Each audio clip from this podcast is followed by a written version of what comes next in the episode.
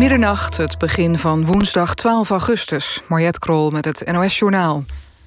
Het kabinet is bezorgd over de situatie in Wit-Rusland... na de presidentsverkiezingen van zondag... en het harde politieoptreden tegen vreedzame demonstranten daarna. Dat schrijft minister Blok in een brief aan de Tweede Kamer.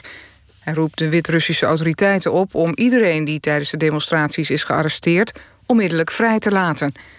Regeringspartijen CDA, D66 en de ChristenUnie hebben de minister gevraagd om de verkiezingen in Wit-Rusland niet te erkennen. In de VS heeft de democratische presidentskandidaat Joe Biden zijn running mate bekendgemaakt. Senator Kamala Harris uit Californië wordt zijn kandidaat vicepresident. De 55-jarige Harris is een zwarte vrouw en staat bekend als een van de scherpste ondervragers van de Senaat. Ze was eerder officier van justitie in San Francisco.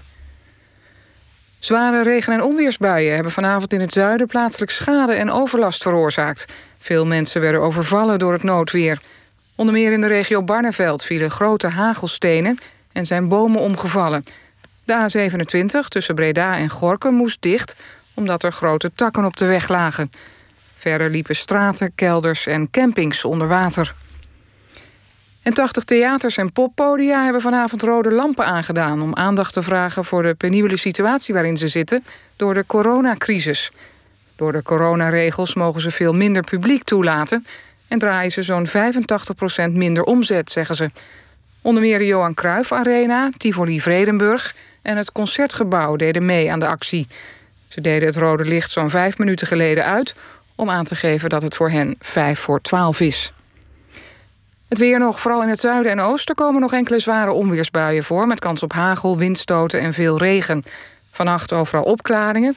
En de temperatuur daalt naar ongeveer 21 graden.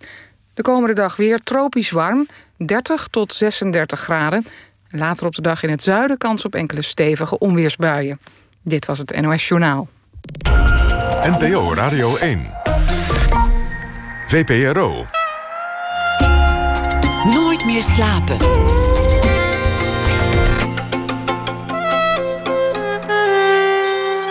Met Tjitske Musche. Seriemoordenaars, kunstrovers en drugshandelaars. We smullen van personages uit de wereld van de misdaad. Of we die nu volgen via boeken, films of series. Maar wat is nou die aantrekkingskracht ervan? Daarover hebben we het deze week in de Crime Week van Nooit meer slapen. En dat doen we elke avond met iemand anders uit het vakgebied. Vanavond is dat Carina van Leeuwen. Als forensisch rechercheur bij de Amsterdamse politie houdt zij zich vooral bezig met cold cases, onopgeloste zaken. Moord, doodslag, zedendelicten. Zaken waarin wel duidelijk is wie het slachtoffer is, maar de dader nog gevonden moet worden. Maar haar politiehart gaat pas echt harder kloppen als ze een nomen nescio een naam weet te geven. Een dode die vaak jaren geleden gevonden is in een gracht of kracht, kraakpand, maar nooit geïdentificeerd kon worden. Tot Carina van Leeuwen en haar team met nieuwe forensische technieken oude zaken bekeken. En daar schreef ze een boek over, samen met journalist Sibylla Klaus. Onbekend, maar niet vergeten heet dat boek.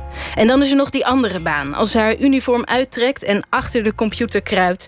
Die van thrillerschrijver. Drie thrillers schreef Carine van Leeuwen tot dusver. In de serie Unit Plaats Delict. Over forensisch regisseur René Spaans.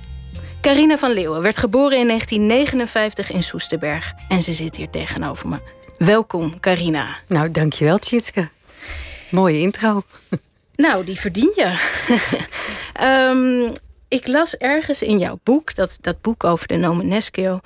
Um, daar schrijf je: hittegolven zijn goed voor cold cases. Dan moeten het gouden tijden zijn, dacht ik, voor cold cases. Um, ja, weet je, hittegolven zijn gouden tijden. Dat, um, ik moet je eerlijk zeggen dat ik niet meer helemaal de context weet waarom ik dat dan geschreven heb. Volgens mij ging het erom dat er dan tijd was om, om uh, zaken op orde te brengen, om archieven uit te uh, pluizen, om te digitaliseren. Ja, het, dat geeft het gevoel van de hittegolf. Omdat we dan eindelijk weer tijd hebben om zaken nou ja, naar boven te halen, zichtbaar te maken. Uh, maar ik denk eigenlijk dat iedere tijd van het jaar een goede tijd is om cold cases op te pakken. Ja? Ja, maar nu, nu ook, ja. Wat, wat, wat ben je nu aan het doen? Ik werk momenteel veel al thuis natuurlijk, hè, zoals bijna iedereen, denk ik. Um, dat betekent dat ik me ook wat meer kan concentreren op meerdere zaken tegelijk, omdat je niet zoveel afleiding hebt. En momenteel ben ik echt alleen maar bezig met de onbekende doden. En normaal gesproken verdeel ik mijn tijd tussen de cold cases en de onbekende doden. Maar op dit moment eigenlijk alleen maar de onbekende doden en dan meerdere zaken tegelijk. Maar hoe doe je dat dan vanuit huis? Nou ja, wat we digitaal hebben, dat, uh, dat kan ik natuurlijk allemaal bekijken. Um, en ik heb heel veel contact met ja, wat wij dan externe partners noemen. Het Nederlands Forensisch Instituut, het Landelijk Bureau Vermiste Personen, nou, noem maar op. En dat kan natuurlijk allemaal gewoon uh, telefonisch en uh, via de beeldtelefoon of hoe je het ook allemaal wil noemen. Um, en dat wat we digitaal hebben, daar kan ik natuurlijk allemaal bij.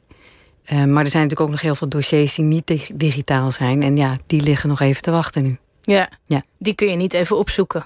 Nee, want dan moet ik inderdaad echt wel aan het bureau zijn en uit het archief. En, uh, maar er ligt zoveel wat al digitaal is dat ik, uh, ik kan voorlopig nog vooruit. Gelukkig. Ik begreep dat cold cases sinds corona op een lager pitje staan. Komt dat dan hierdoor? Uh, nou ja, daar ben ik het niet helemaal mee eens. Dat lijkt misschien wel zo, omdat we een aantal, um, ja, wat wij dan operationele handelingen noemen, hè, mensen verhoren of wat dan ook. Dat zal wat ingewikkelder zijn geweest. Maar aan de andere kant, wat ik dus zelf merk, doordat je veel van ons thuiswerk of omdat heel veel uh, andere werkzaamheden of overleg in het land uh, niet meer door zijn gegaan, betekent het ook dat je dus weer meer tijd hebt om geconcentreerd in dossiers te duiken. Dus ik weet niet helemaal waar dat vandaan is gekomen. Ik denk dat er achter de schermen misschien wel meer gebeurt dan normaal gesproken. Dus het mag nog wel even duren van jou? Nou ja, dat is een beetje eng om te zeggen natuurlijk. Maar voor de zaken is het niet verkeerd. Nee. nee. Hoeveel cold cases zijn er eigenlijk in Nederland? Nou, het exacte aantal dat weten we niet, omdat we nog niet alle dossiers ook in beeld hebben. Maar wat we in ieder geval weten is dat het er meer dan 1700 zijn. Uh, dat getal houden we ook aan omdat we daar ook wel zeker van zijn. En die 1700, dat zijn inderdaad moord en doodslag. En dan moet je ook rekenen uh, dat het allemaal zaken zijn van na 1989, of vanaf 1989 moet ik zeggen. Omdat de zaken van voor die tijd verjaard zijn. Ja. Uh, maar dat is natuurlijk een enorm aantal. Uh, dus daar hebben we nog wel een paar jaar werk aan. Ja. ja. En, en hoe staan we daarmee in de, in de wereldwijde ranking, zeg maar? Is, is 1700, is dat veel voor een land als Nederland? Of doen we het eigenlijk wel goed? Ik denk dat we het over het algemeen wel goed doen. Ik heb niet alle wereldwijde cijfers paraat. Um, maar het is natuurlijk ook maar net een beetje waar je het mee vergelijkt. Ik denk dat je Nederland moet vergelijken met Zweden of Denemarken. En niet met uh, Bogota of zo. Dat, uh, maar ik heb die, die cijfers niet paraat. Maar ik denk op zich... Um, dat wij het wel goed doen. Ja. Dat klinkt een beetje arrogant, maar in ieder geval, weet je, er, er zit heel veel ontwikkeling in. Er is aandacht voor. We, we weten dat, er, dat die aantallen er zijn. Uh, daar krijgen we ook steeds meer zicht op. En er is ook steeds meer aandacht voor. En ik denk dat dat heel goed is. En dat is echt nog niet in alle landen zo. Nee, wat, wat zegt dat over een land als daar veel aandacht voor is? Ja, ik zeg altijd, volgens mij zegt um, de beschaving van een land kun je ook afmeten aan bijvoorbeeld hoe ze met hun doden omgaan. En dat is met name met de onbekende doden, uh, waar ik dat vaak in gebruik. Maar ik denk ook wel hoe je omgaat met slachtoffers van misdrijven. Dat je um, dat van belang vindt. Dat we hebben met z'n allen afgesproken dat het niet de bedoeling is dat je iemand doodmaakt, onder welke omstandigheden dan ook. En dat er ook een vorm van genoegdoening is, wat ook met beschaving te maken heeft. En dat je dat ook met respect doet en dat je ze ook niet vergeet. He, dat de zaak van vandaag niet belangrijker is dan die zaak van vijf jaar geleden bijvoorbeeld. En voor nabestaanden is dat net zo erg. Dus ik vind dat dat wel iets over de beschaving en ontwikkeling van een land zegt. Ja. Maar is dat in de praktijk ook altijd zo dat een, een dode uit het verleden nog op gelijke voet staat met een, een nieuwe dode? Krijgt hij evenveel aandacht? Nee, zeker niet. Nee. En dat, dat is vaak ook wel verklaarbaar natuurlijk. Het zijn ook, uh, we hebben natuurlijk maar een beperkte capaciteit die je moet verdelen. En je kunt je ook voorstellen dat als wanneer, wanneer jij in een bepaalde wijk woont, ergens in de stad, en daar wordt nu een moord gepleegd, dan vind jij dat belangrijk. Maar over twee jaar en je woont er niet meer, dan vind jij de hondenpoep buiten misschien wel belangrijker. En dat is natuurlijk wel de realiteit waar wij ook mee te maken hebben. Um, en een cold case wordt natuurlijk niet zomaar een cold case. Ja, dat zijn ook niet de makkelijkste zaken. Dus daar gaat ook vaak veel meer tijd in zitten. En daar moet je dan ook de mensen voor hebben. Ja, dus het is, het is soms ook best wel, zeker als het ging over die onbekende doden, is het best wel sleuren om daar aandacht voor te krijgen. Ja. En te houden. Ja. Die onbekende doden. Um, jij bent in uh, 2010 op eigen initiatief daarmee begonnen met het project Nomen Nescio. Een poging om de identiteit van onbekende doden te achterhalen. Uh, hun zaak was al gesloten omdat, uh, de, omdat ze onherkenbaar waren, geen identiteitspapieren bij zich droegen. vingerafdrukken niks opleverden. En niemand zich meldde die, zich, die, die de persoon miste. Wat was het moment dat jij dacht, daar, daar moet ik tijd aan gaan besteden?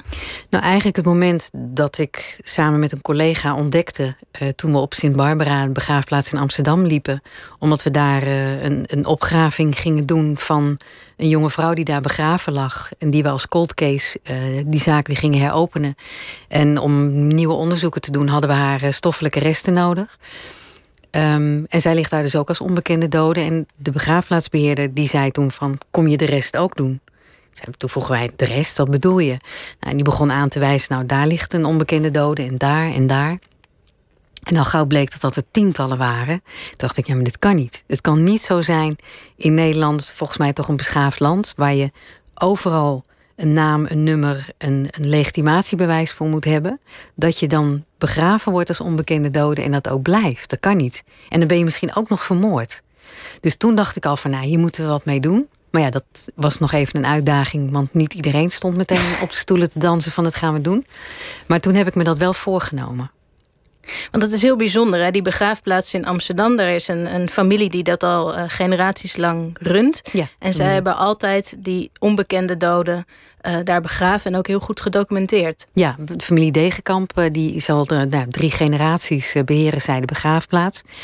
En ze hebben daar altijd heel goed over nagedacht. Want hun administratie is echt perfect. Want je kan tot, nou, ik geloof eind 19e eeuw of 18e eeuw kan je, kan je terughalen. maar ze hebben er bijvoorbeeld ook over, altijd over nagedacht om de onbekende doden, en dat klinkt misschien heel raar, maar in het bovenste graf te begraven. Het dus mensen die worden door de gemeente uh, begraven, dat wordt betaald. Dus dat gaat in een algemeen graf, daar liggen drie mensen boven elkaar die niks met elkaar te maken hebben. En zij hebben er bijvoorbeeld altijd aan gedacht om die in de bovenste graf te begraven. Dat het moment dat iemand geïdentificeerd wordt en je wil die teruggeven aan de familie, dat je niet de grafrust van die andere mensen hoeft te verstoren. Dus dat, daar hebben we ook ja, hele goede ervaring mee. We werken inmiddels al zo lang samen dat ze een beetje politiefamilie zijn geworden. Uh, tot op de dag van vandaag eigenlijk. Maar zij hebben dat dus altijd gedaan vanuit de uh, hoop of overtuiging dat er een dag zou komen dat, dat die onbekende doden. Dat daar in ieder geval toch nog een poging gedaan zou worden om die te identificeren. Want dat werd nooit gedaan, toch? Nou ja, dat werd wel gedaan, maar het houdt op een gegeven moment op. Kijk, als je iemand vindt die niets bij zich heeft. Um, en tegenwoordig heb je natuurlijk nog meer bij je dan bijvoorbeeld in de jaren 80 of 90. Uh, en het is geen misdrijf, dan houdt het natuurlijk op een gegeven moment ook op. Ja, als je alles ingezet hebt en dat lukt gewoon niet, ja, dan op een gegeven moment houdt dat op. Dus zij hebben wel altijd uh, gehoopt dat er wat zou gebeuren. Maar eigenlijk pas vanaf het moment dat ik zei van... nou ja, weet je, wil je ze alsjeblieft nu laten liggen? Want die graven worden ook na tien jaar geruimd officieel. Hè, in ja. Met name in de grote stad, want dan is die ruimte gewoon nodig. En ik heb op een gegeven moment, uh, toen wij dit ontdekten in 2009, 2010... ook gevraagd van laat je ze alsjeblieft liggen. Want ik weet nog niet hoe, maar ik kom terug. Nou, dat hebben ze ook gedaan. En vanaf dat moment ja, zijn we daar eigenlijk samen met hun heel actief in ja, gestart en ook gebleven. Om zoveel mogelijk mensen te identificeren. En uiteindelijk hebben we dus ook een hele hoop uh, van die graven uh, die geruimd moesten worden.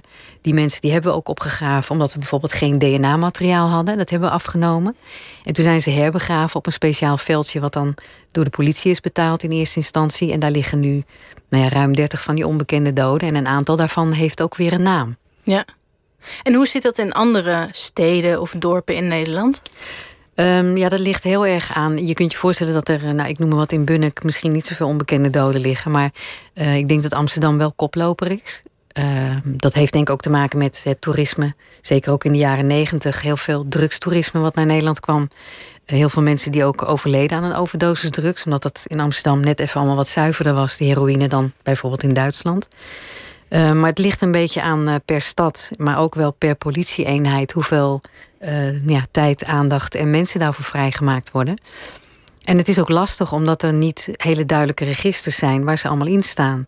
Dus het is een enorme zoektocht om erachter te komen waar ze liggen, of ze er nog liggen. Want je kunt natuurlijk niet op naam zoeken. Nee. administraties, ook bij de gemeente. Iedere vijf jaar is er een nieuw systeem en dan kunnen we niet terugkijken. Dus nee. het is een enorme klus om dat te achterhalen. Um, maar het is wel zo dat als je eenmaal zo'n zaak hebt opgelost of opgehelderd en je kunt iemand teruggeven aan de familie, ben ik ervan overtuigd dat als je dat één keer mee hebt gemaakt hoe dat is, dat je niet meer stopt. Dat je ze allemaal wil doen. Ja. ja. En dat dat dan misschien andere gemeentes of burgemeesters uh, ook weer over de streep helpt om daar uh, meer aandacht voor. Ja, nou ja ik hoop ook wel dat dat met het boek uh, gebeurt. daar is wel nu veel meer aandacht voor. Ook mede dankzij het boek Onbekend maar niet vergeten. Het is ook bij de minister, minister Grapperhaus beland. Nou, die heeft dat weer doorgespeeld naar Binnenlandse Zaken. En dus er is wel meer aandacht voor dat er ook onderzocht wordt hoe de burgemeesters in Nederland daarmee omgaan en wat daarin verbeterd kan worden. Ja. Nog even terug naar dat moment daar op die begraafplaats. Uh, jij zegt tegen de, de, de begraafplaatsbeheerder: uh, Ik kom terug. hoe lang duurde het voordat je terug kon komen met een schepje? Um, dat duurde wel even, omdat ik. Um, in die tijd deed ik in deeltijd de opleiding uh, Hogeschool van Amsterdam, forensisch onderzoek. En doordat ik daar een afstudeeronderzoek heb gedaan naar de mogelijkheden van die onbekende doden. Want toen ik terugkwam van die begraafplaats en dat nou ja, en der ging roepen van weet je dat het daar ligt, toen zeiden mensen, oh ja, oké. En nu dan? Ja, hebben we geen tijd voor geen mensen. En daar kunnen we helemaal niks meer mee. En toen heb ik een onderzoek gedaan. Um, en heel vaak is het met een afstudeeronderzoek dat ze zeggen, nou, leuk lettertype, mooie plaatjes. Maar daar ben ik wel heel erg mee gaan lobbyen. Van kijk wat er nog allemaal kan. Want het bleek dat er heel veel mee kon. Met nieuwe methoden, bijvoorbeeld nieuwe DNA-technieken. Uh, nou ja, de oude dossiers opnieuw bekijken. Nieuwe uh, digitale mogelijkheden die we hadden. Um, en daar ben ik heel erg mee gaan lobbyen. Dus dat heeft toch wel twee, drie jaar geduurd voordat ik echt terugkwam. Ja. En, maar goed, het is wel gelukt. Ja. ja. Want als jij bij je baas, toen jij bij je baas aanklopte van uh, ja, ik wil graag uh, even een potje geld om onbekende doden te gaan identificeren. Ja, ze zeiden ja, droom vooral verder. En succes. En niet, dat was ook geen onwil, maar inderdaad ook van ja, daar hebben we geen, geen mensen voor. Dat is niet ingepland. Is ook geen urgentie op. Hè? Dat, zeker niet als het geen misdrijf is. Maar hoe, hoe overtuig je hem dan? Of haar? Dat weet ik. Nou ja, ik denk toch wel door, door je, je moet denk ik, zeker toen we natuurlijk één identificatie hadden, maar die hadden we toen nog niet. Maar ik denk met name, um, waar ik toen heel erg op gehamerd heb, is dat heb je in de gaten dat die onbekende dode ergens op de wereld gemist wordt. Dat is een vermissing. Ja, dat vergeten we wel eens. Maar dit zijn allemaal mensen die toch, ook al weten wij niet of en door wie ze als vermist zijn opgegeven, maar ergens op de wereld zit iemand te wachten. Alleen dat weten we niet, dat brengen we niet bij elkaar. Nou, dat op een gegeven moment begon dat toch wel wat meer te, te leven. Van, hè, stel je voor dat jouw zoon dat was, of jouw dochter die, die daar ligt. En dan zou je toch ook willen dat alles in het werk gesteld wordt, dat we daar wat aan doen. Nou, dat begon wel in te dalen. En bij hoop was het ook wel van ja, nu je het zegt, ja, daar zit wel wat in. Nou, dan duurt het natuurlijk toch even voordat er tijd en geld is. Dus op een gegeven moment was het van nou, weet je wat, ga maar doen. En ik heb ook iedere keer gezegd, weet je, laat het me dan proberen. Laat me dan uitproberen of het lukt. En dan lukt het maar met één iemand. Weet je, dan, dan is het de moeite waard. Nou, dat ging vrij hard. En dan heb je natuurlijk de verhalen. Want dan heb je de verhalen van ja, maar deze onbekende dode met dit nummer in dat graf met een nummer, dat blijkt die en die te zijn. En dit is zijn of haar verhaal. En dit is de familie die, kijk, die staan hier. En die komen hun zoon halen. Weet je wel, ja, dan wordt het even een heel ander verhaal. Ja. Dus toen heb ik eigenlijk nooit meer problemen gehad om ermee door te gaan. Nee. Jullie begonnen dus met het, uh, het opgraven daar van de, de, de stoffelijke resten. Um, niet bepaald een smakelijk tafereel. Dat beschrijf je ook vrij gedetailleerd in het boek. Um, hoe ga je dan te werk? Wat zijn er voor nieuwe forensische technieken die, die maken dat het nu wel mogelijk was om sommige mensen te identificeren? Nou, ik denk de meest tot de verbeelding spreken is natuurlijk DNA. En dat is natuurlijk een heel mooi uh, middel. Um, het erfelijk materiaal wat je van je ouders uh, erft. Daar kun je iemand echt 100% mee identificeren. Um, maar het was ook wel, het was een combinatie van factoren door ook te gaan kijken van, uh, er waren bijvoorbeeld ook een aantal graven waarvan ik alleen maar wist, daar ligt een vrouw. Maar ik wist eigenlijk helemaal verder niks. Dus door dan bijvoorbeeld antropologisch onderzoek te doen, dus om te kijken van uh, hoe groot is diegene, um, is het een blanke vrouw, is het een, uh, iemand uit Azië of Afrika, um, kunnen we nog iets vinden waaraan diegene is overleden? Heeft die bijzondere kenmerken? Weet je, was hij bijvoorbeeld ooit geopereerd? Dat zijn allemaal identificeerbare kenmerken die we dan ook allemaal genoteerd hebben. Um, in sommige gevallen vonden we, maar dat was dan meer natuurlijk het dossierwerk wat je erbij gaat doen, dat er ook vingerafdrukken waren genomen toen diegene is gevonden. Uh, de foto's die je erbij haalt. Dus je maakt eigenlijk een dossier helemaal compleet. En een van de ook de nieuwere technieken die we hebben toegepast, wat ook echt bij die opgravingen gedaan kon worden, is materiaal veiligstellen waarmee we wat wij dan noemen isotooponderzoek kunnen doen. En isotooponderzoek is eigenlijk dat je bent wat je eet en wat je drinkt. En dus nou, wij hebben hier uh, een glaasje water. Um, en we hebben vanavond wat gegeten. Um, En de stoffen die daarin zitten, bepaalde uh, chemische stoffen, die zijn heel specifiek voor het land of het continent waar je dat uh, eet of waar het verbouwd is. Ja. dus ook ondanks dat ons water misschien helemaal niet allemaal uit Nederland komt, kun je toch op een gegeven moment zien met alle andere dingen die we tot ons nemen aan koffie en thee, um, nou, het eten wat we eten, kan je bijvoorbeeld zien dat wij de laatste paar maanden in ieder geval in Nederland waren. Hè. Dat kun je aan de uitgroei van je haren zien.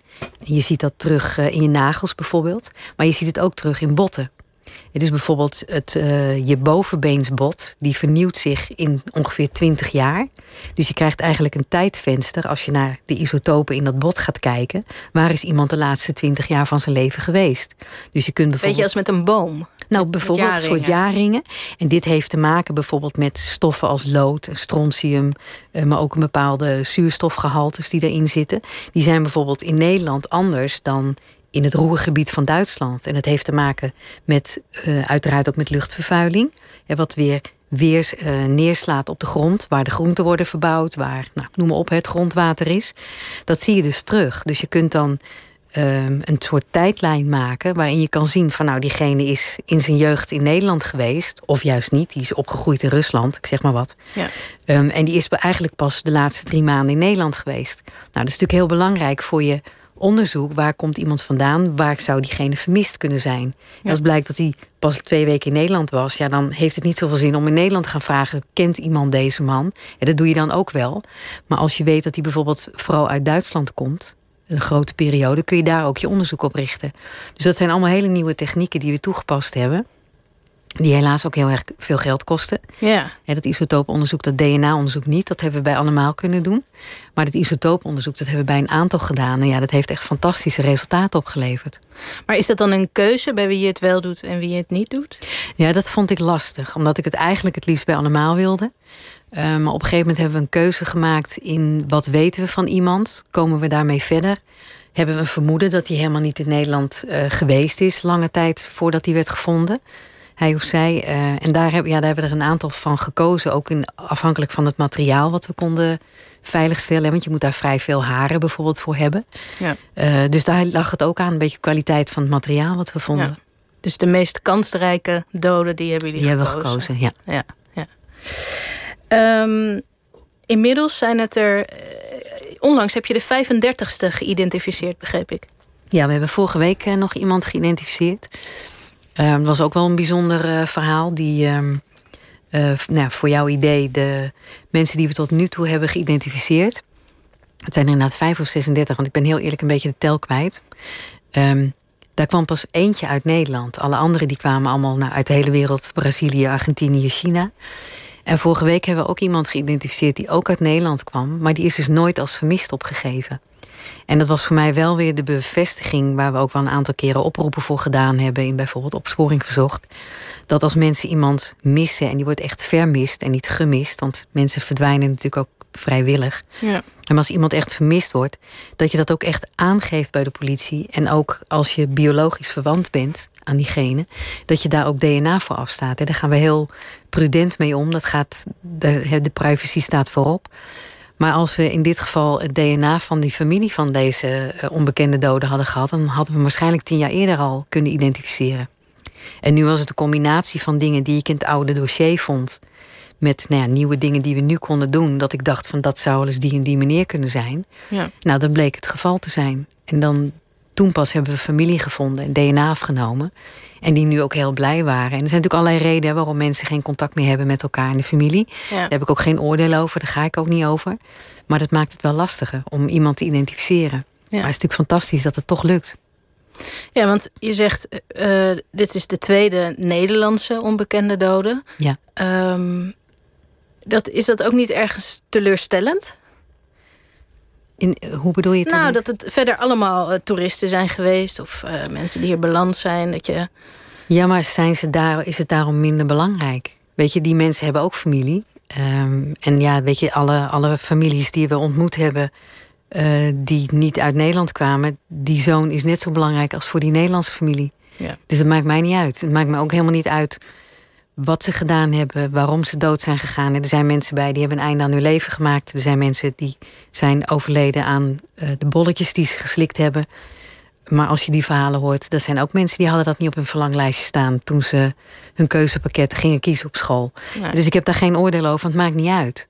Dat, en, en er zullen ook mensen bij zitten die door een misdrijf om het leven zijn gekomen. Waarvan je keihard mag zeggen: Nou, de maatschappij ziet er misschien wat beter uit omdat hij niet meer rondloopt.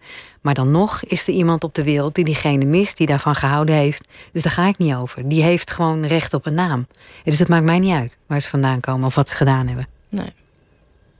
Waarom, waarom vind je dit zo belangrijk? Je hebt, hier, je hebt dit opgezet, je hebt hier veel tijd in gestoken. Wat, wat drijft jou daarin?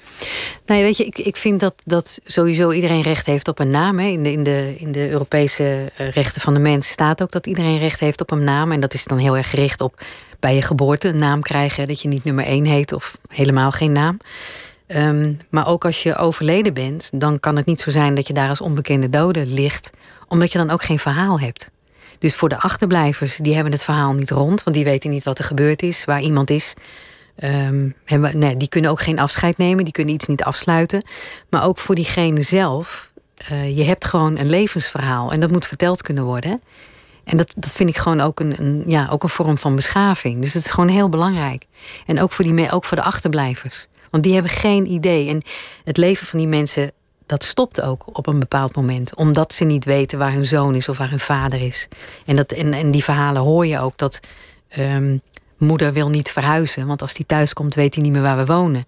Of het andere kind wat er nog is, die komt niet meer thuis. Want er is nog maar één kind, dat is het vermiste kind. Nou, als je kan helpen. Um, om, kijk, je kunt het nooit meer goed maken. En je, kunt niet, dat, je brengt diegene niet levend terug. Maar je kan wel zorgen dat ze misschien een hoofdstuk af kunnen sluiten en door kunnen naar het volgende. Omdat ze in ieder geval weten waar die is en wat er gebeurd is. Ja. Dus ik, ja, ik vind dat iedereen daar recht op heeft. Voor jou, op het moment dat iemand geïdentificeerd wordt en jij hebt dat bericht uh, gebracht aan de familie, doe je dat zelf eigenlijk? Ga je er dan Ja, meestal samen met een collega. En, en soms doe je het alleen en soms doet de collega het. Ja, nu zijn we wat meer op telefoon aangewezen natuurlijk. Ja. Maar dat doen wij zelf, ja. Want voor jullie is het dan misschien afgesloten, maar ik kan me voorstellen dat voor die nabestaanden begint het dan misschien pas. Ja, dat, dat was ook wel bijzonder toen we het boek gingen schrijven, onbekend maar niet vergeten. Omdat we toen natuurlijk een aantal families benaderd hebben, omdat we heel graag hun verhaal wilden horen en ook van degene die dan overleden was. Um, dat ik bijvoorbeeld pas na vijf, zes jaar ze weer dat we daar weer contact mee hadden. En ik heb me inderdaad nooit gerealiseerd dat er voor, haar, voor, voor die families een nieuw hoofdstuk begint. Wat um, ook niet altijd even goed is. want ik dacht dan altijd in mijn nou ja, forensische brein van... oké, we weten nu wie het is, we sluiten het af. Of als het een misdrijf is, kunnen we nu gaan kijken of we het misdrijf op kunnen lossen. want dan is het een cold case. Maar toen ik die familie sprak, ja, dan hoor je toch ook van dat er bijvoorbeeld dan uh, toch nog alsnog ruzies ontstaan in de familie, verwijten. Um, dat er dingen naar boven zijn gekomen die ze niet wisten. Dat als jij niet weet dat jouw familielid um, al of niet gedwongen bolletjes heeft geslikt en in Amsterdam is overleden, ja, dat brengt toch wat met zich mee binnen een familie. Dus dat, dat daar weer een nieuw hoofdstuk aangekoppeld werd, heb ik me niet altijd gerealiseerd. Maar je hoort wel van allemaal dat ze toch heel dankbaar zijn, omdat ze in ieder geval weten dat iemand dood is. Weet je, je kan beter weten dat iemand dood is dan dat je niet weet waar die is. Ja. Nu uh, hebben jullie dus, jullie zijn op zoek gegaan naar, naar uh, vingerafdrukken, DNA-materiaal. Ik dacht, nou ja, als je eenmaal DNA-materiaal hebt, je gooit dat in een database, je, je, je drukt op search en voilà. Voilà, ja, hoe mooi zou het Dat is op tv altijd. Die hebben ja. die ene laptop, daar zit alles in. Daar kunnen ze ook meteen zien waar iemand pas nog geweest is. Alle camerabeelden, bankgegevens. Nou, dat is niet de realiteit. Dat kan natuurlijk alleen, die hit die krijg je alleen als de andere kant er ook in zit. En de andere kant kan zijn het DNA van de vermiste zelf. dus, dus stel iemand is vermist, die is als vermist opgegeven... en we kunnen daar nog materiaal, bijvoorbeeld van spullen... van diegene die er nog is, uh, erin zitten... of van biologische familie van die vermiste. Dan pas krijg je die hit. Maar heel vaak hebben we dat niet. Nee. We zijn aangewezen op, op uh, nou, enorme privacyregels in Nederland. En dat is prima. Maar dat beperkt ons ook. Bijvoorbeeld het DNA van die onbekende doden. Die nemen we op in de Nederlandse databank voor vermiste personen en onbekende doden. Dat mogen we ook in het buitenland uitzetten. Van hebben jullie iemand die vermist is die hieraan voldoet? Dat is even heel kort door de bocht. Maar bijvoorbeeld als we niet het DNA van een vermiste zelf hebben, Maar alleen van de familie, Ja. dat mogen we niet naar het buitenland uitzetten. Dat is allemaal bescherming van de Nederlandse inwoners. Ja, Maar in zo'n geval heb je daar last van. ja. En kijk, niet iedereen zit in de databank en dat is ook onzin, dat hoeft ook niet. Maar we zijn wel bezig nu ook met een project om de onbekende doden. Ehm, om daar de DNA-profielen van een aantal willen we gaan proberen om die te uploaden in de, bijvoorbeeld de commerciële DNA-databank, waar mensen, weet je, MyHeritage of GetMatch. eh, Ja, dat zijn mensen die daar zelf hun DNA Ja. naartoe sturen omdat ze willen weten waar ze vandaan ja, waar ze komen. vandaan komen. Nou, dat, dat zijn we nu eh, aan het ontwikkelen. En dat moet eerst juridisch, is dat vooral. Hè. Technisch is het niet heel ingewikkeld, maar juridisch is het heel ingewikkeld. Dus daar zijn we al een hele tijd in voorbereiding. En ik verwacht ook dat we daar dit jaar de toestemming voor gaan krijgen om dat uit te proberen. Omdat we dus echt alles willen doen om die mensen naam te geven. Maar je bent echt gehouden aan, aan allerlei regels die heel goed bedacht zijn. Privacyregels, bescherming van. Maar daar hebben die onbekende doden niks aan. En ook die families niet die zitten wachten. Maar dan moet je zoeken. Ja, in Amerika is dat al zo, hè? Ja, dat in het, Amerika eh, hebben daar, daar mogen, ze, mogen rechercheurs zoeken in die commerciële databanken. Ja. Maar ja, aan de andere kant, het gaat ook best ver. Ik bedoel, die privacywetgeving is er niet voor niets. Nee. Als ik een, eh, mijn, eh, mijn oorsprong wil weten en ik lever daar DNA voor in, dan, dan nou, vind ik het misschien niet zo fijn dat dat ook in een, eh, in een politiedatabank Nee. terechtkomt. Nee, en dat is ook heel terecht. En, en dat is natuurlijk ook wel. ehm, toen dat bekend werd in Amerika, is daar ook best wel veel gedoe over geweest. Ehm, een van de dingen die ze gedaan hebben, een aantal van die ehm, nou ja, privébanken, zou ik maar zeggen, die hebben ook hun methode aangepast. Je moet nu echt actief toestemming geven. En dat was eerst niet, want dat was een soort van automatisch dat als jij jouw profiel ter beschikking stelde, dat je anders ook niks terugkreeg of er iemand met jou matchte. Ja. Maar je wist niet dat de politie dat eventueel ook ging gebruiken. Nou, dat is nu heel eh, duidelijk gesteld. En je moet daar ook echt een vinkje voor aanklikken, zou ik maar zeggen, om daar toestemming voor te geven. En dat is natuurlijk ook terecht. Want dat, het kan niet zo zijn dat jij je DNA afgeeft met het idee van, nou leuk, ik ga misschien een neef in Amerika vinden. En vervolgens hoor je dat er een neef is opgepakt omdat hij wat gedaan heeft. En die hebben ze gevonden door jouw DNA.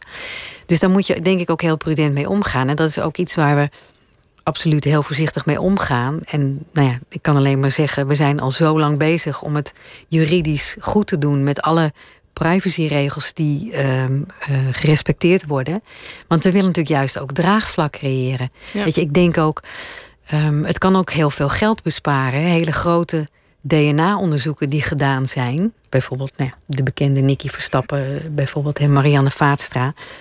Ehm, dat had misschien, en dat weet ik niet, hè, maar dat had misschien eenvoudiger gekund als we het op die manier hadden kunnen doen. Want dan hadden we niet. En wat je nu doet, is een groep mensen eigenlijk vragen. Nou, u woont in dat postcodegebied. Ik wil graag alle mannen tussen de 18 en de 60, ik zeg maar wat. Wilt u uw DNA inleveren? Ja. Dat is pas een enorme inbreuk op je privacy. Ja, dus dat mag heeft ook niet niet iedereen zomaar. gedaan, toch?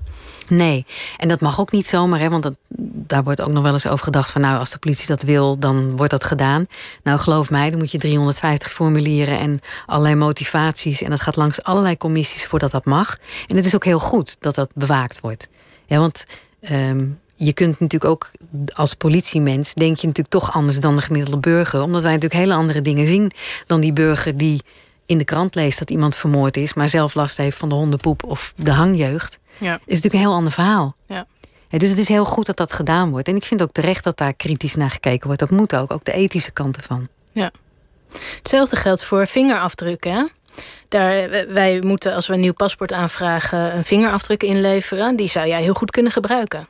Dat zou heel goed kunnen, maar dat kan niet, omdat hij niet in een database zit. Die nee, die worden na een paar uur weer verwijderd, geloof ik. Ja, die zit alleen in je paspoort. Dus ehm wij hebben niet een database waarin we alle vingerafdrukken die zijn afgegeven voor een paspoort, daar kunnen wij niks mee. En ik, ik durf ook wel te stellen dat al was dat er, dat wij daar ook niet zomaar in mogen kijken. Weet je, nogmaals, het, is dat, het idee is wel eens dat wij alles mogen. Geloof mij, wij mogen heel erg weinig vergeleken met bijvoorbeeld wat Google of wat, nou, noem alle social media. Hè, want in je telefoon staat meer dan in je DNA, hoor, geloof mij. En eh, in die telefoon, dat vinden we allemaal heel leuk om dat allemaal te laten volgen waar we nu geweest zijn. En we twitteren en we doen. Daar staat veel meer in dan wat wij uit DNA kunnen halen. Maar we moeten wel heel veel moeite doen voordat we daar in dat DNA mogen kijken. Dus dat is wel fascinerend hoe makkelijk mensen alles delen met hun telefoon op social media. En mensen gaan op de huishoudbeurs eh laten ze DNA van hun baby afnemen om te kijken of die allergisch is voor, weet ik veel, broccoli. Maar het moment. Ja, nee, maar zo is het wel. En wat denk je wat ze met dat materiaal doen? Dat kunnen ze toch ook verkopen? Ja. Weliswaar anoniem. Maar daar wordt ook onderzoek aan gedaan. Maar dat mogen wij niet gebruiken. En- Frustreert dat je? Dat het dat Nou, eigenlijk zo makkelijk mee wordt omgesprongen, maar dat jullie er geen toegang voor hebben, toe hebben? Nou ja, frustreren is misschien soms het goede woord. Als je denkt, ja, maar daar hadden we het mee op kunnen lossen of veel eerder. Het is, ik vind het wel eens jammer dat, ehm, dat we het niet altijd goed uit kunnen leggen. Of dat, en, en terecht dat mensen het niet altijd snappen.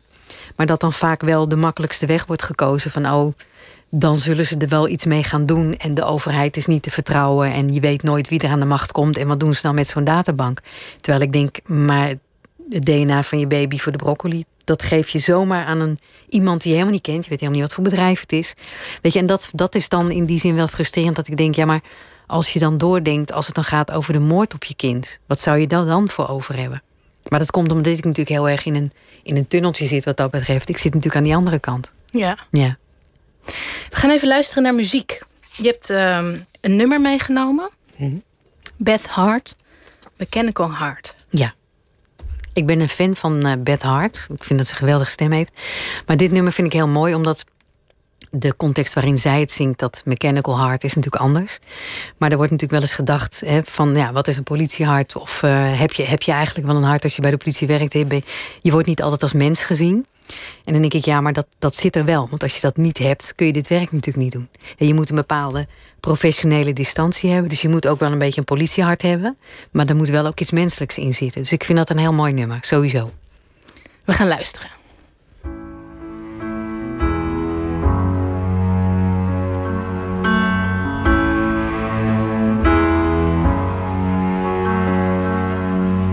I was born with a mechanical heart. Miles of wires and video parts. If only I had a human touch. I'd give you the love you deserve so much. And if heaven's way up in the clouds, way up in the clouds. For you, I'm gonna bring it all down. I'm gonna bring it all down.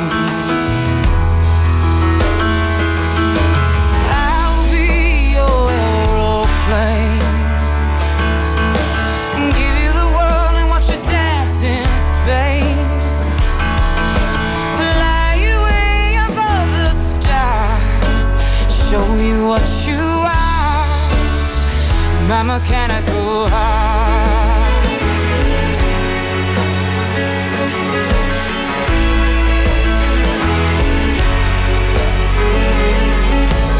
Love cannot be programmed. I'm sorry to say this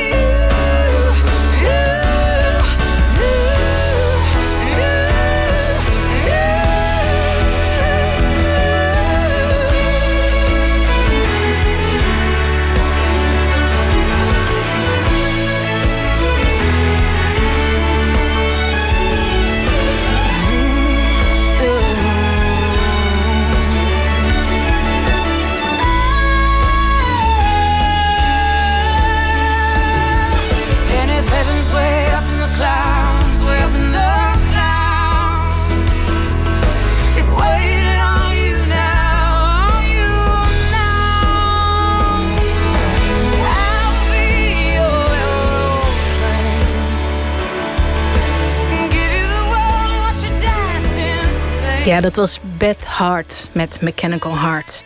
Het politiehart dat niet alleen mechanisch is, maar ook een warme kant heeft. Vertelde Carina van Leeuwen, forensisch rechercheur. Um, in het cold case team van Amsterdam werkt zij. En momenteel is ze vooral bezig met de onbekende doden die in Amsterdam begraven zijn en die zij identificeert. Carina, voordat jij bij de politie kwam, werkte je tien jaar als OK-assistent. Vijftien jaar zelfs. Vijftien Ja, jaar. Ja. Ook al een plek waar veel doden voorbij komen.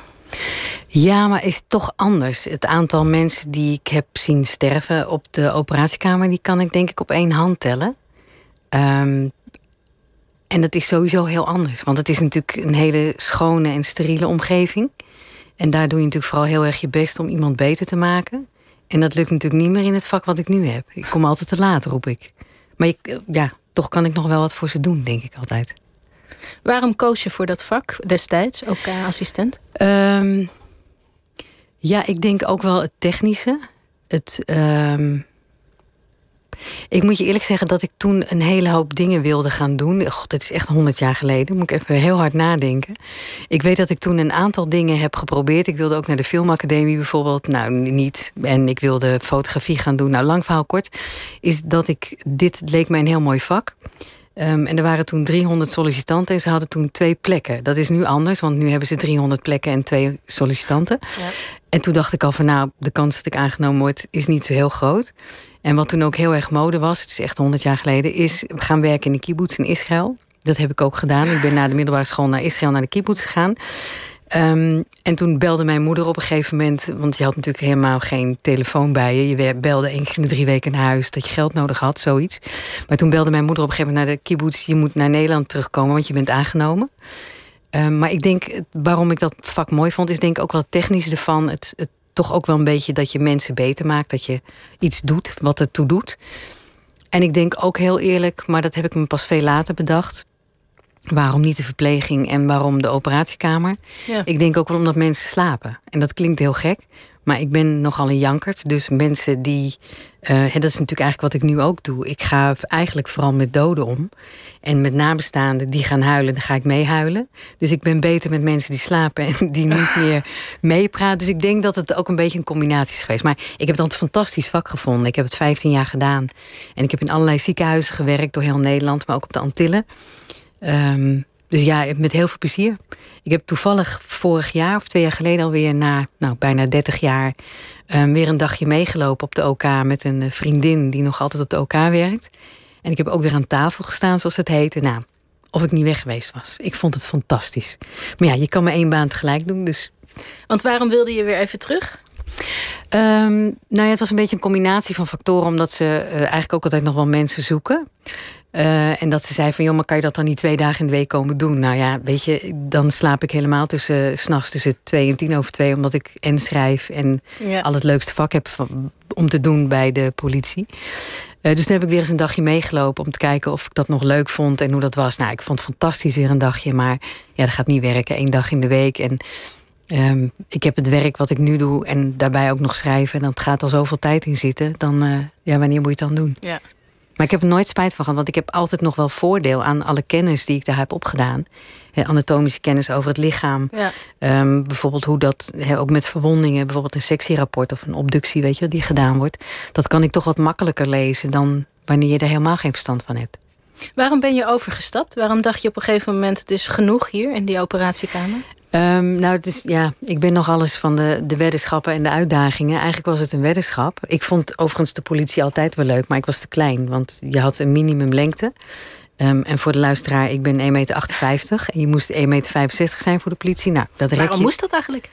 Dat was denk ik het idee. Ik denk vroeger, dat weet ik niet. Met het idee misschien dat je ergens niet overheen kon klimmen... of mensen niet aan kon houden. Of, ik had ook de kleine handen voor het vuurwapen. Maar ja, daar wen je ook aan. Dat, dat, dat leer je allemaal wel. Maar op een gegeven moment waren ze natuurlijk wel achter... dat het niet zoveel uitmaakt. Hè? Dat je het niet van je fysieke kracht... maar toch vooral, nou ja, wat je verder doet, uh, hoe je overkomt.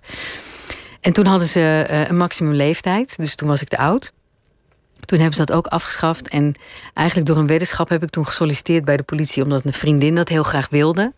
En die zei, ja, maar ik vind het een beetje eng om dat alleen te doen. Ik zei, joh, doe ik mee, dan word je aangenomen en ik niet. Nou, ik werd wel aangenomen, zij niet. Ach. Maar nooit spijt van gehad. En ook niet, ik ben op mijn 32e naar de politie gegaan. Ehm, en ik ben ook blij dat ik dat niet jonger heb gedaan. Hè, dat ik die ervaring, ik, want nou, wat ik al zei, ik heb overal en nergens gewoond en veel gereisd. En dat is toch een ervaring waar je wat aan hebt. En dat je Ja. wat meer levenswijsheid hebt. En eigenlijk de eerste week bij de politie dacht ik al... ik weet niet hoe het heet wat jullie doen. Maar dat was de technische recherche heette toen nog. Hè. Dat was voor de forensische opsporing. Eh, dat wilde ik al. En nou, dat moet je ook niet doen als je heel, gaan doen als je heel erg jong bent. Nee. Ehm, dus ja, ik heb er nooit spijt van gehad. Maar het is allemaal een beetje toevallig. Ook, zo ben ik eigenlijk ook door een weddenschap gaan schrijven. Weet je, het is allemaal een beetje toevallig. Dus, Hoe ging dat dan? nou ja, dat, dat was ook een weddenschap door. ehm, eh, nou, laat ik het proberen, lang verhaal kort. Is dat een eh, collega-auteur, eh, Carla de Jong. Die schreef ook een politietriller. Die kende ik nog niet, maar via via had zij gevraagd: van goh, ik wil een keer een echte eh politieregisseur, vrouwelijke regisseur spreken. Nou, prima, weet je wel. Dus eh, nou, teleurstelling 1 was al inderdaad dat die niet allemaal 1,80 meter zijn, maar dat ze ook klein zijn. Maar goed, ik heb haar toen wat tips gegeven voor het eh, manuscript wat ze, wat ze geschreven had. Ehm, en op een gegeven moment ehm, werd ik door haar uitgenodigd naar een bepaalde avond waar een boekenfestival was. En eh, waar zij ook een lezing zou geven over hoe word je auteur. Eh, en haar uitgeverij was daarbij. En nou, dat deed ze toen voor het eerst. En toen dacht ze, goh, komen er wel mensen? Ik zei, nou weet je wat, ik doe net of ik je niet ken. Ik ga er wel zitten met pen en papier. Dan heb je in ieder geval één toehoorder. Nou, het was hartstikke druk. Want heel veel mensen willen auteur worden. Dat wist ik nog niet. Maar, maar goed, haar, haar uitgever die zat mij een beetje uit te dagen. Van, wat zit jij hier nou, politievrouw? Hè? Met je pen en papier wil je ook gaan schrijven. Dus ik op de bluff na twee wijn. Nou, dat kan ik heus wel. Zullen we wedden dat ik over vijf maanden een, een eh, manuscript inlever? En dan moet jij het ook gaan lezen. Want ik had net gehoord dat ze per week ongeveer 45 manuscripten op hun bureau hebben liggen. van mensen die denken: ik heb het geschreven. En dat daar, nou ja, als je dat niet meteen goed doet, 1 minuut 30 aan wordt besteed. Dus dat je daar wel even anders uit moet komen om gelezen te worden. Dus nou, de weddenschap was daar. En lang verhaal kort, ehm, de eerste versie was niet slecht, maar heel slecht. maar ik vond het wel heel erg leuk om te doen. Eh, en zij heeft me allerlei tips gegeven. Maar uiteindelijk ehm, is het via een hele omweg... is het bij eh, uitgeverij AW Bruna gekomen. Wat ik niet wist. Dat was dus versie 3 of 4 of 5. Dat weet ik niet meer. En toen werd ik op een gegeven moment op een zaterdagochtend gebeld door... Ik verstond de naam niet. Ik hoorde alleen Bruna. En dat was de winkel bij mij om de hoek. Dus ik dacht, ik heb helemaal niks besteld. Nee, mevrouw Verleeuwen, u heeft een manuscript ingeleverd. Nou, zodoende is het gekomen. En daar zijn de drie eh, boeken van Unit Plaats Delict uit voortgekomen. Toen was het eigenlijk veel leuker dan je dacht om ik te vond schrijven. het superleuk. Ik heb de eerste, eerste versie, wat dus een soort instructieboek was geworden voor forensisch onderzoek, heb ik geschreven in de trein. Hè, want ik woon in Den Haag en ik werk in Amsterdam, dus ik reis heen en weer. Dus ik heb mijn treintijd goed be- ge- ge- gebruikt. Ook voor deel 2 overigens. Heb ik ook bijna allemaal in de trein geschreven. Maar het is hartstikke leuk om te doen. Ik vind het echt nog steeds een feestje. Ik ben weer aan het schrijven, dus eh houd niet op. Nog even terug naar dat, dat forensische vak. Hè. Het klinkt nu allemaal alsof het je een beetje overkwam. Alsof het eh, toevallig, het hangt allemaal van weddenschappen aan elkaar. Maar er moet toch ergens ook een, een fascinatie voor dat, voor dat lichaam, voor dat dode lichaam zitten. Herinner je je nog de eerste doden die je zag? Ehm, in het forensische vak zeker. Ja, die, die vergeet ik ook inderdaad nooit meer. Dat was een meneer die had een einde aan zijn leven gemaakt. En zijn zoontje van tien die had hem gevonden. Dus dat is natuurlijk al dramatisch. En ik weet vooral ook dat ik dacht... hij heeft net schone sokken aangetrokken. Omdat je dan... Ik ging daarheen met mijn collega en die dacht van... nou, Carina is wat ouder. Ehm, en die heeft op de OK gewerkt. Nou, wat ik al zei, op een OK iemand die daar overlijdt... is wel even wat anders dan wanneer je op een plaats delict komt. Het ruikt sowieso anders, het ziet er anders uit. Het is vaak in een huiselijke kring bijvoorbeeld. Er is misschien familie die je op de achtergrond hoort. Ehm, dus dat was wel even wat anders. En daar komt nog bij dat je eh, je op dat moment moet realiseren... dat je daar die plaats delict opstapt dat je daar met een doel komt. Dat je daar niet komt om te denken: oh, oh, wat erg, oh, wat eng, oh, wat vies. Nee, ik kom daar om te gaan kijken wat er gebeurd is. Dus die dode, die kan het mij niet meer vertellen. Maar als ik goed kijk naar de sporen en ik let goed op en ik verknal het niet, want je kunt het maar één keer doen, dan kunnen we het verhaal naar boven halen en dan kunnen we misschien eh, reconstrueren wat er gebeurd is en op welke manier en misschien door wie. Nou, dat was in dit geval niet zo omdat hij heel duidelijk een einde aan zijn leven had gemaakt. Maar ook dat moet je natuurlijk goed onderzoeken. En dat ik dat best wel spannend vond. En dat ik me inderdaad heel erg concentreerde op details. En dat ik nog weet dat hij hele witte sokken aan had. En dat de vloer daar wel schoon was, maar ook niet zo schoon. En dat ik dacht, je hebt dus nog schone sokken aangedaan... en vervolgens maak je een einde aan je leven. Nou, dat vergeet ik bijvoorbeeld nooit meer. En ja, de honderden daarna, die weet ik niet. Sommige nog wel, andere niet. Maar die, die vergeet je niet. Wendt het om, om, om doden te zien? Vaak in erbarmelijke toestanden? Ik, denk, ik weet niet of wennen het goede woord is. Ik denk dat je leert om ermee om te gaan. Omdat je steeds beter weet wat je kan verwachten. En terwijl het altijd weer anders is. Maar dat je ook weet... Um, het heeft met name denk ik te maken met een professionele houding... dat je weet wat je daar kan doen. Weet je, toen ik bijvoorbeeld op de OK ging werken... zeiden mensen ook, oh Gert, je dat niet eng? Maar als je daar staat met een fascinatie... van hoe mooi een lichaam is... en zeker wanneer dat chirurgisch wordt behandeld... wat heel erg op reconstructie en op beter maken gericht is, dan zie je alleen maar de schoonheid ervan.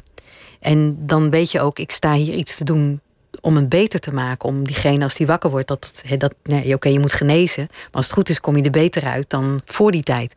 En dat is hetzelfde op een plaats delict of met doden waar je dan mee geconfronteerd wordt dan kan je het niet meer goed maken, maar je kan misschien wel de antwoorden vinden. Dus je staat daar ook met een andere blik dan alleen maar, oh, die, oh wat erg, diegene is dood. Dat is niet dat je dan geen respect hebt voor de doden, want dat moet je altijd houden, vind ik. En dat, dat heb ik voor mezelf altijd wel echt een hele duidelijke ethische ja, breedband, zou ik het bijna noemen. Weet je, ik heb bijvoorbeeld nooit, waar het kon, bijvoorbeeld nooit over een dode over zijn hoofd heen gestapt. Snap je wat ik bedoel? Dat je een lichaam met respect behandelt. Ook al moet je daar allerlei dingen mee doen wat je normaal niet zou doen, hè, omdat je dat onderzoek moet doen. En je moet iemand uitkleden, je moet soms temperatuur meten, je moet, nou, je moet allerlei dingen doen. Wat, maar je kan dat wel met respect doen. Ja. Maar je moet het wel goed doen, want het is, je bent daar om antwoorden te vinden. En ik denk dat je dan anders naar op dat moment uh, naar een lichaam kijkt, dan is het een object van onderzoek. Maar je moet het wel met respect doen. Dus je leert ermee omgaan, denk ik. Maar je wordt wel constant geconfronteerd met nou ja, met de eindigheid. Ja. Uh, dagelijks misschien wel. Uh, en ook met de schrijnende gevallen van deze wereld. De bolletjeslikkers, mm -hmm. de mhm. zelfmoorden, de, de, de heroïnedoden in de jaren 80, 90. Um, ja, raak je daar ook niet soms uh, um, ontmoedigd door of, of een beetje depressiever? Nee, weet je, ik, ik heb gemerkt dat je misschien daardoor het leven nog extra waardeert. Dat je extra je realiseert wat een bevoorrecht mens je bent. Dat je niet een bolletje slikker hoeft te worden. Of dat je niet iemand doodschiet. Of omdat je niet degene bent die doodgeschoten wordt.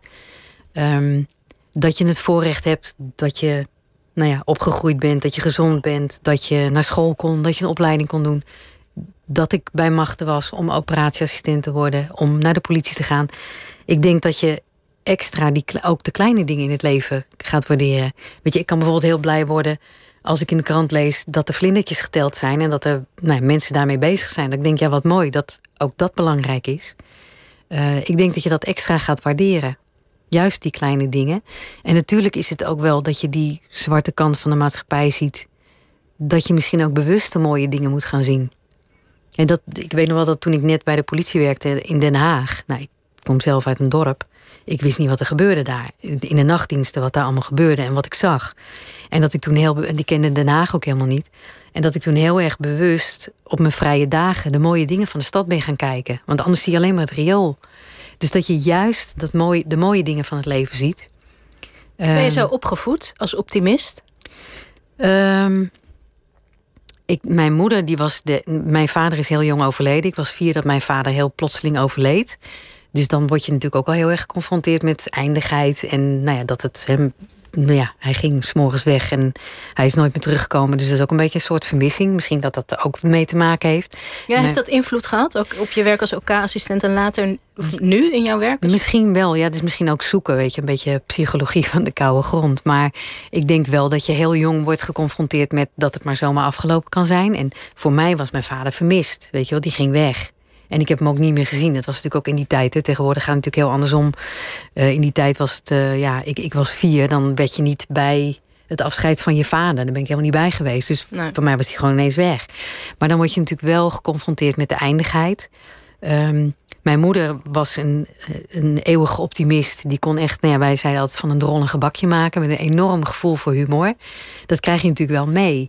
En ook als je uh, nou ja, zo jong je vader verliest, moet je natuurlijk vrij snel ook wel zelfstandig worden.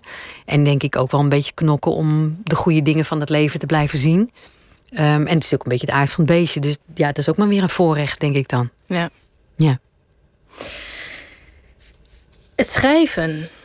Ehm, in 2014 verscheen je eerste thriller, Vuurproef. Over forensisch rechercheur René Spaans, die de lezer volgt in haar werk en in haar privéleven.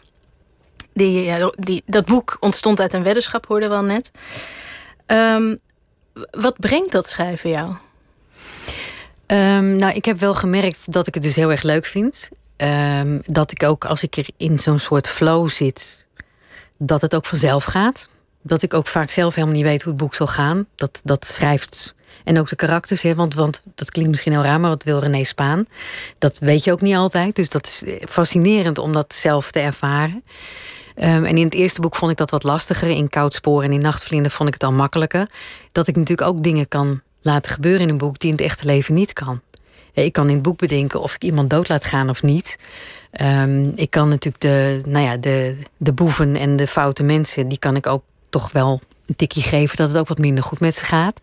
En ik je kan kunt de rechercheur uh, in een uh, stiekem in de computer van de baas laten kijken. Nou, bijvoorbeeld. De privacywetgeving ja. net eventjes omzeild wordt. Ja, dus het is, het is inderdaad, dat zeg je heel goed. En dat vond ik in het eerste boek heel spannend om te doen, want ik vond wel dat het moest kloppen. Ja, en in het echte leven zou ik dat natuurlijk nooit doen. Totdat ik me realiseerde, ja, maar René Spaan, die mag dat dus wel. Dus ja, dat is heerlijk om haar dingen te laten doen die ik natuurlijk nooit zou doen, of niet mag, of niet durf, of niet zou doen. Dus dat brengt het me. En ik vind het ook heel leuk uh, om de lezers te ontmoeten. Weet je, ook met, met lezingen, want ik geef veel lezingen en ook wel bij boekhandels en ook wel nou, bij andere gelegenheden. En het is dus super leuk om die lezer te ontmoeten, omdat dat de mensen zijn die ik niet in mijn werk ontmoet, maar die wel belangstelling hebben voor mijn werk. En de, de mooiste vragen stellen en met de leukste ideeën komen. Dus dat is heel, een hele mooie mix van mensen ontmoeten, laat ik het zo zeggen. Waarom houden mensen zo van crime, denk jij? Ja, dat heb ik me ook wel eens afgevraagd. Want heel eerlijk, dat klinkt natuurlijk heel raar, maar zelf lees ik het eigenlijk niet. Nee? Nee. Maar dat, dan moet ik ook overuren schrijven, want dan ben ik met mijn werk bezig. maar um, um, ik denk dat het een fascinatie is voor wat je zelf denkt dat het je nooit gaat gebeuren of hoopt dat het je nooit gebeurt, denk ik. Maar ik heb nooit begrepen waarom mensen het leuk vinden en dat zal ik zelf dus ook nooit beschrijven, want ik beschrijf misschien wel heel letterlijk dat iemand al dood is en hoe dat er dan uitziet als het naast de trein ligt en het is in de brand gestoken, bijvoorbeeld. Zoals in vuurproef. Um, maar ik snap niet dat mensen het prettig vinden om te lezen hoe iemand afgeslacht wordt. Maar dat komt omdat ik weet hoe dat dan is als je dat onderzoek moet doen en hoe dat voor die familie is. Dus dat, zal ik, dat vind ik niet prettig, dat zal ik nooit beschrijven. Maar ik denk dat dat de fascinatie is, toch ernaar kunnen kijken zonder dat het jou overkomt of zo. Ja. Denk ik, maar ja, weet ik ook niet. Een tijdje geleden hadden we hier in Nooit meer slapen uh, trillerschrijver Saskia Noord te gast. En die vertelde dat het schrijven van thrillers misschien wel um, nodig was om haar eigen angst voor de dood te bezweren. Herken je dat? Nee, heb ik helemaal niet. Maar dat komt ik, ja, dat zeg ik nu natuurlijk. Als ik morgen te horen krijg dat ik nog drie weken heb, weet ik niet hoe ik ben. Maar ik denk, ik, ik ben op zich niet bang voor de dood. Ik vind het wel fascinerend. En ik hoop ook dat ik voorlopig niet aan de beurt ben, want ik vind het hier veel te leuk. Maar ik heb niet die angst. En de, het bezweren, maar ja, absoluut niet. Maar misschien omdat ik dit vak heb. Dus, maar ik, ik snap wel wat ze zegt. Ik kan me daar wel wat bij voorstellen. Dat als je dit werk niet doet. Um, en, want ja, waarom worden er zoveel televisieseries over gemaakt? En waarom worden er zoveel boeken over geschreven? Weet je, ik ben dit gaan schrijven omdat ik niks anders kon bedenken. Ik kan niet, ik kan niet schrijven over, nou bijvoorbeeld jouw vak, dat weet ik niet. Dit was het enige wat ik kon bedenken. Ja. Dus nou ja, vandaar dat deel 1 ook in eerste instantie een soort instructieboek was. Ja. Dus nee, dat, ik herken dat niet. Nou, als je moest kiezen, schrijver of forensisch rechercheur? Forensisch rechercheur. Dankjewel, Carina van Leeuwen. Heel veel succes nog met de, de onbekende doden die nog wachten op identificatie. Dankjewel. Morgen zit Lisbeth Staats hier. Zij praat met kunstenares Jiminy Hicknet. Hicknet maakte onder andere werk over vrouwen die ontsnapt zijn uit de gedwongen prostitutie. Dit was Nooit meer slapen van dinsdag 11 augustus. Ik hoop dat u zo nog lekker slaapt.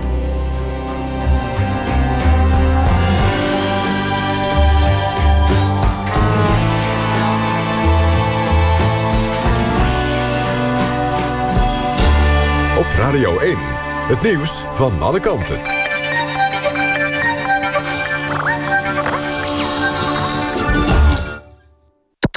NPO Radio 1.